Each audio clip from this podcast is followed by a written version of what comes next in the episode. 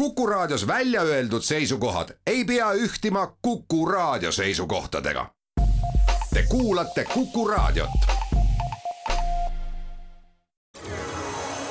loodusajakiri,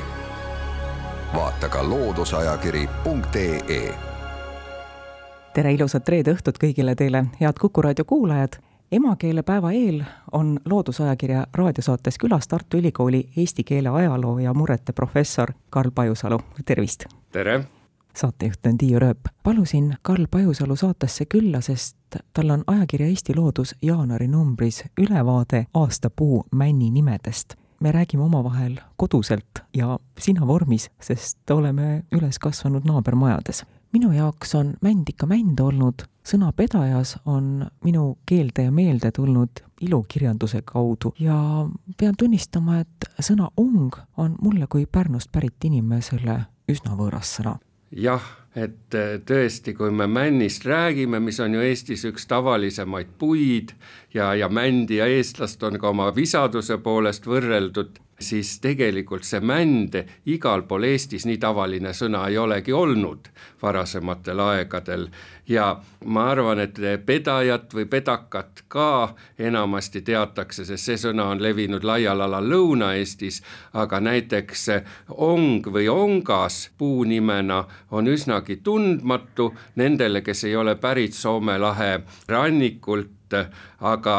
tegelikult Kuusalust kuni Vaivarani, Narvani välja, sealkandis ongaks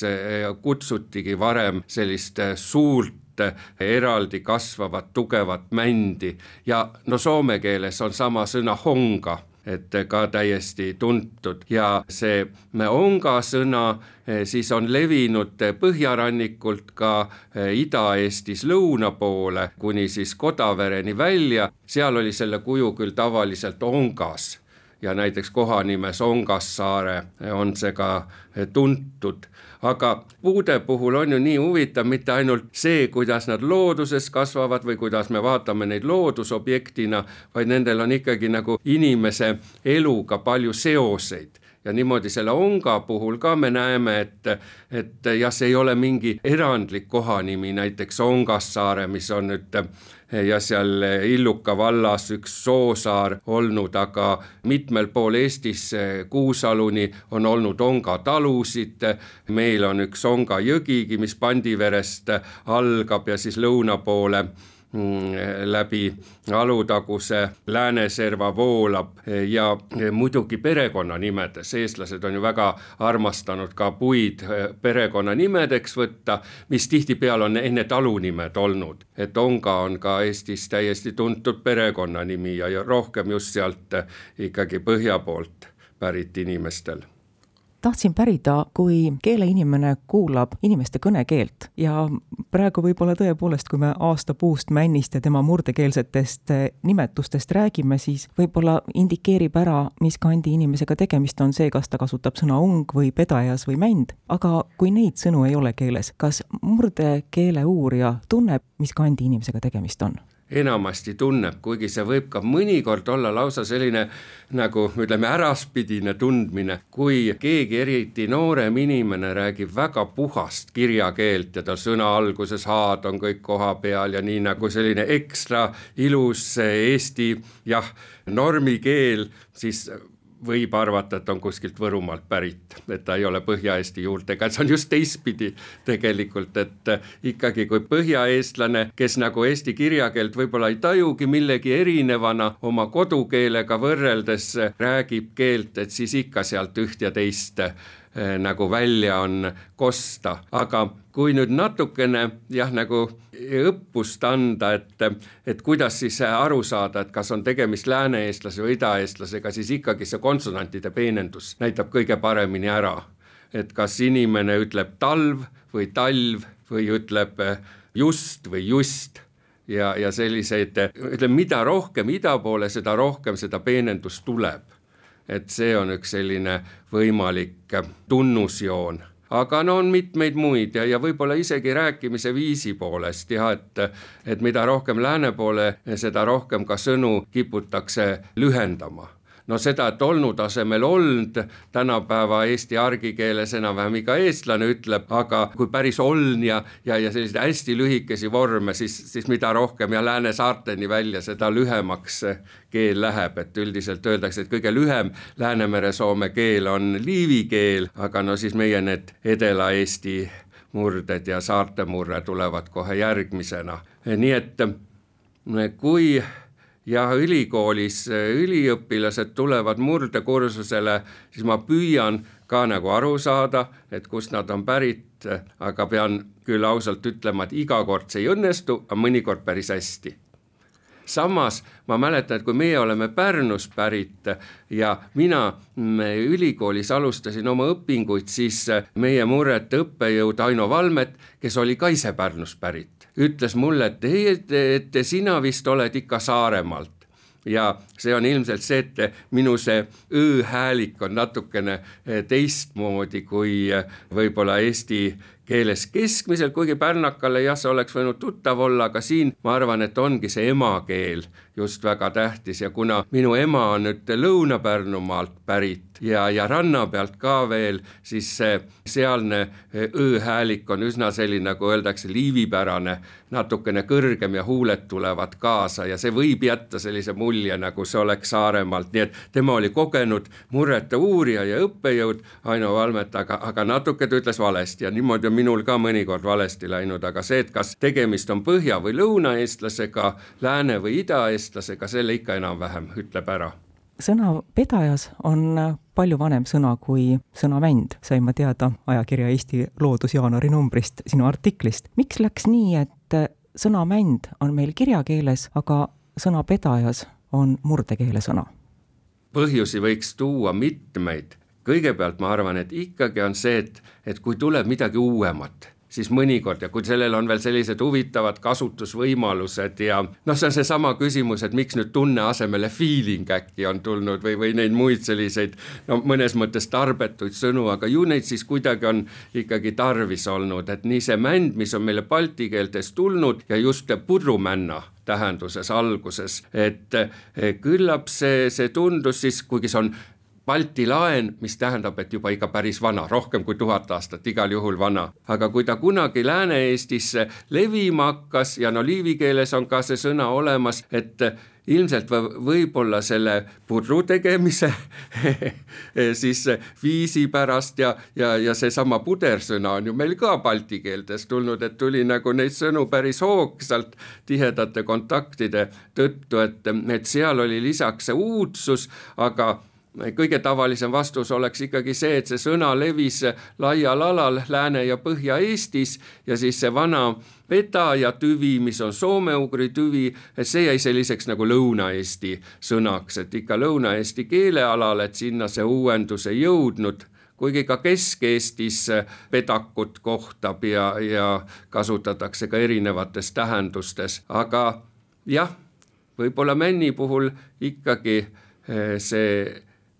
sõna lai levik teatud perioodil on, on huvitav. siin on ka põnev, et kas see sõna on läbi liivi keele tulnud või otse balti keeltest, et, et näha on seda läänepoolset levikut, aga kuidas see siis täpselt toimus ja, ja see sõna on ju läinud edasi ka soome keeles, mändy on ka eh, Lääne-Soome murretes täitsa tuntud sõna, et et eks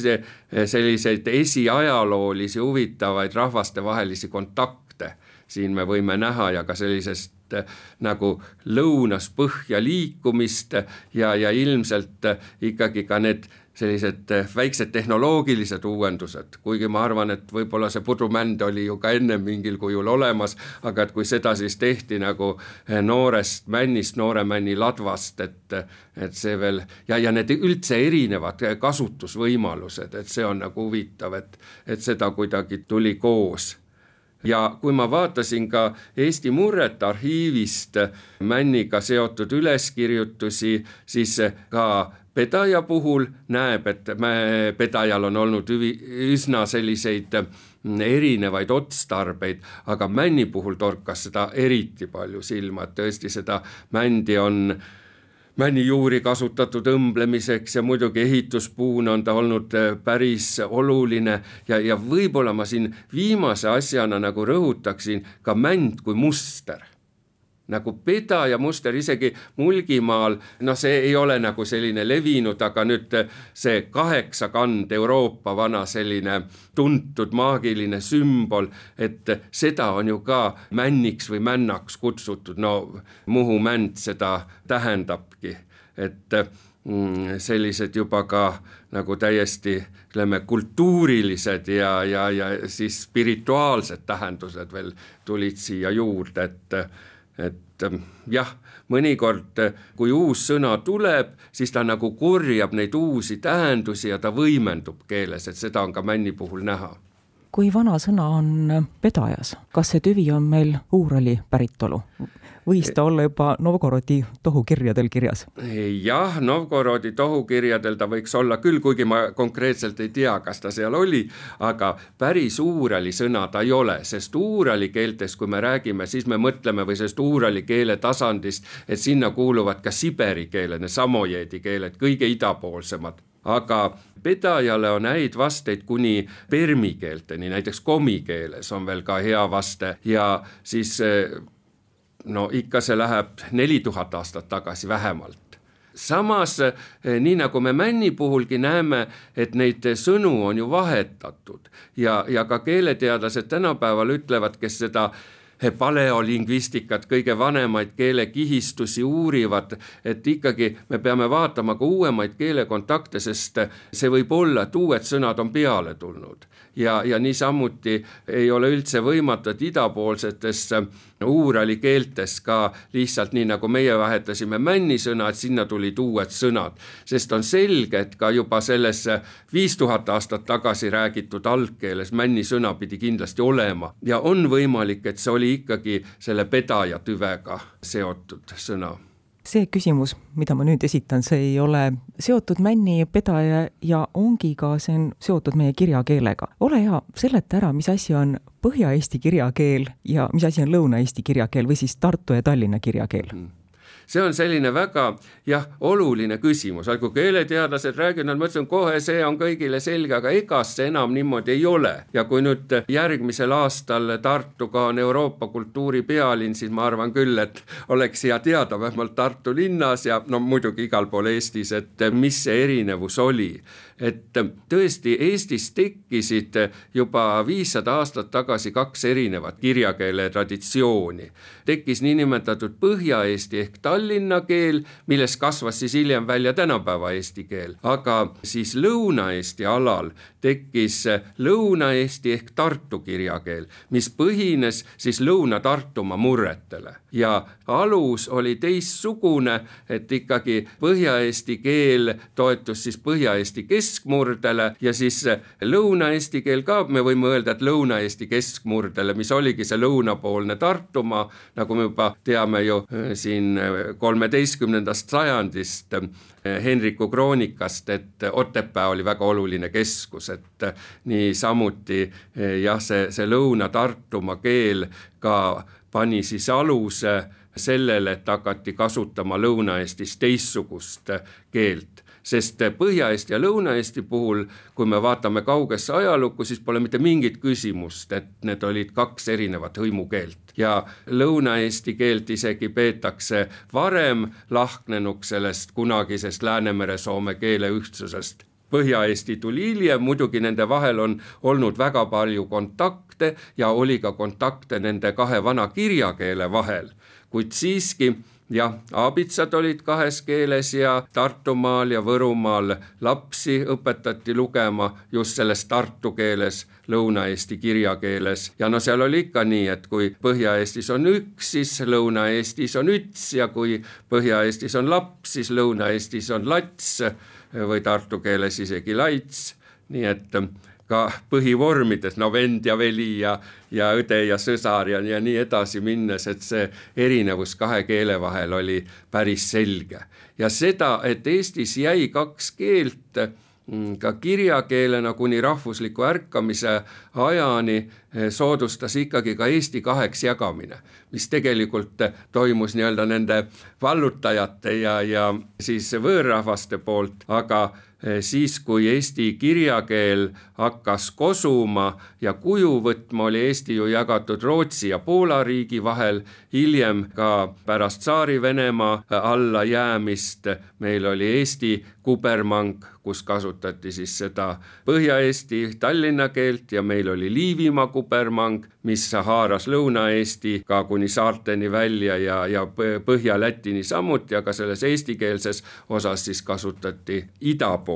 mitte tervikuna, aga ida pool veel endiselt edasi seda tartu keelt. Ja nii on ka tartu keele kohta öeldud, et see oli vanim akadeemiline Läänemere soome keel, sest Tartu Ülikoolis kõigepealt ikkagi eh, hakati seda õpetama ja on isegi teada selliseid jah, üllatavaid toredaid juhuseid, et kuidas Tartus eesti keele selgeks õpetanud pastorid läksid Tallinnasse ja hakkasid Tallinnasse sedasama lõuna-eesti keelt pruukima, mis siis jälle seal kohalikele eestlastele tundus millegi väga sellise veidrana, et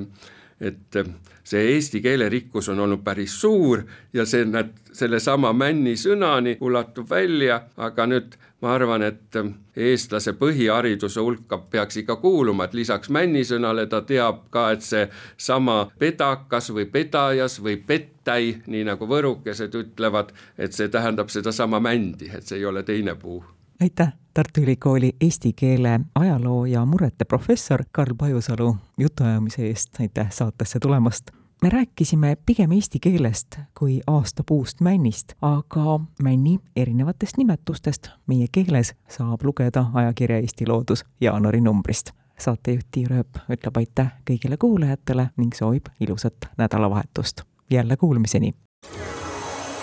loodusajakiri vaata ka looduseajakiri.ee